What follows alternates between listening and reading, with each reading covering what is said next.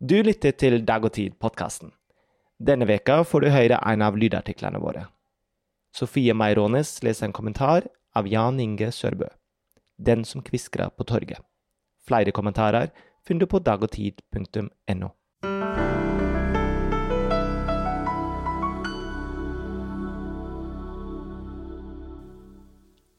Den som kviskrar på torget.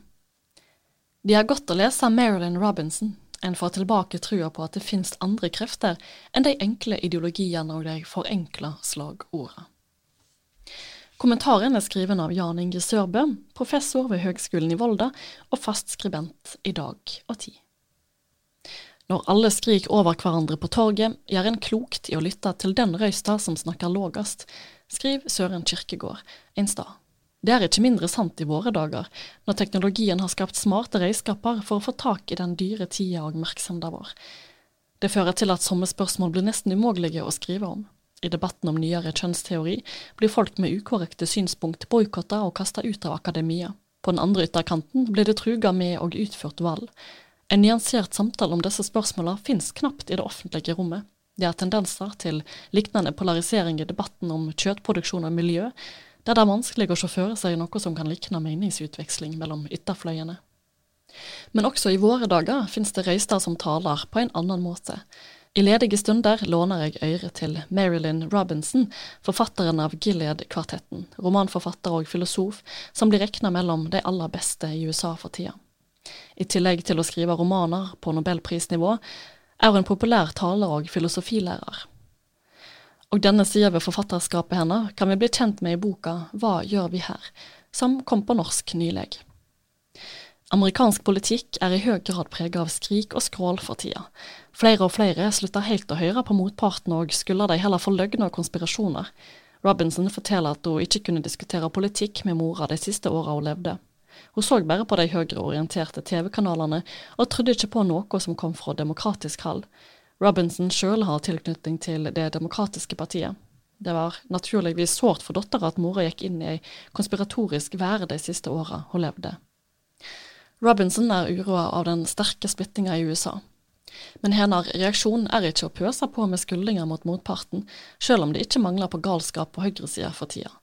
I stedet skriver hun på en måte som nyanserer. Hun er teologisk engasjert, og hun skriver interessant om den protestantiske tradisjonen som preger de første innvandrerne til USA. Det var ofte religiøse flyktninger. Hun nyanserer ettermælet til Cromwell, en hersker mange i dag stort sett tenker på som en autoritær puritaner. Poenget er ikke å renvaske Cromwell, men å peke på at mange fridomsideer ble utvikla i hans tid, selv om han sjøl søkte makt. Påpekinga av fridomsideene i protestantismen er en indirekte kritikk av dagens evangeliske lærer, som i stor grad har støtta det ytre høyre. Hun peker også på at sentrale personer i Det demokratiske partiet, som Obama og Carter, hører til nettopp den protestantiske sida. Med andre ord, hun nyanserer den polariserte framstillinga av det sekulære venstre og det religiøse høyre. Viktigere i resonnementet hennes er den sterke vekta hun legger på de humanistiske fagene. Hvordan kan vi styre den viltveksende teknologien og profittjakta? Ja, finne ut hvorfor vi er her, kan bare de humanistiske disiplinene svare på. Det er de som har utvikla fridomsideene, drøfta verdispørsmåla, freista å forstå konsekvensene av naturvitenskapelige innsikter og, ikke minst, lært oss å nyansere. Polariseringa som heimlandet hennes opplever, er et nederlag for denne lærdomstradisjonen, og nedbygginga av tilgangen til utdanning er derfor et stort demokratisk problem. Det er stor skillnad på Norge og USA, både i historie og i sosial struktur, men mekanismene som forenkler, deler opp i grupper og omskaper kompliserte problem til enkle slagord, er nokså like. Diskusjoner blir erstatta av skuldinger om svik og vond vilje. Det har mellom annet med tempoet i informasjonsstrømmen å gjøre. Medan de gamle enevaldsstatene og de nye diktaturene holdt tilbake informasjon, så folk fikk vite for lite, drukna de vestlige samfunnene i informasjon. Det skaper nye måter å manipulere på, ved at en drukner allmenta i skit. Når viktig og samfunnskritisk informasjon kommer fram, kan de som har noe på samvittet, spreie talløse halsende eller løgnaktige versjoner av saka, i en grad som gjør at den viktige informasjonen blir helt borte. For snart ti år siden skrev Lars Leird Iversen boka uenighetsfellesskap, blikk på demokratisk samhandling. Der tar han avstand fra forestillinga om at en god stat må formulere et felles verdigrunnlag. I stedet må vi se verdien i å være usamde, og innse at ingen av oss har svar på alle spørsmål. Dette har brodd mot identitetspolitikk, der en tenker seg at alt skal avgjøres ut fra en kulturell identitet alene. I stedet for å tro at semje er målet, blir produktiv usemje den politiske krafta. Dette er et interessant synspunkt, og det var vel også en replikk til Bondeviks verdikommisjon. Men også denne modellen krever et minimum av semje, nemlig trua på at fri diskusjon er viktig, at ytringsfridom er konstruktivt.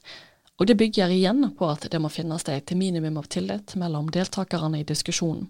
Dersom alle mistenker motstanderne for å være løgnere og kjeltringer, blir det ikke noe fellesskap av usemje, det blir borgerkrig. Det politiske systemet vårt veksler mellom polariserte diskusjoner og forhandlinger. I Stortinget syner det seg i at en diskuterer og framhever skilnadene i salen, medan en forhandler og finner fram til felles løsninger i komiteene. Det må være en balanse mellom disse to måtene å arbeide på. Når spørsmål blir for sterkt ideologiserte, som til dømes i spørsmålet om kjøttproduksjon versus miljøvern, kan vi havne i situasjoner der ingen møtepunkt finnes lenger. Det er en fare i alle debatter, fra forsvarspolitikk til urfolksretter. For å hindre det trengs det noen som snakker med låg røyst. Og gjerne med stor kunnskap og humanistisk autoritet, som Marilyn Robinson. Leit etter den som kviskrer på torget.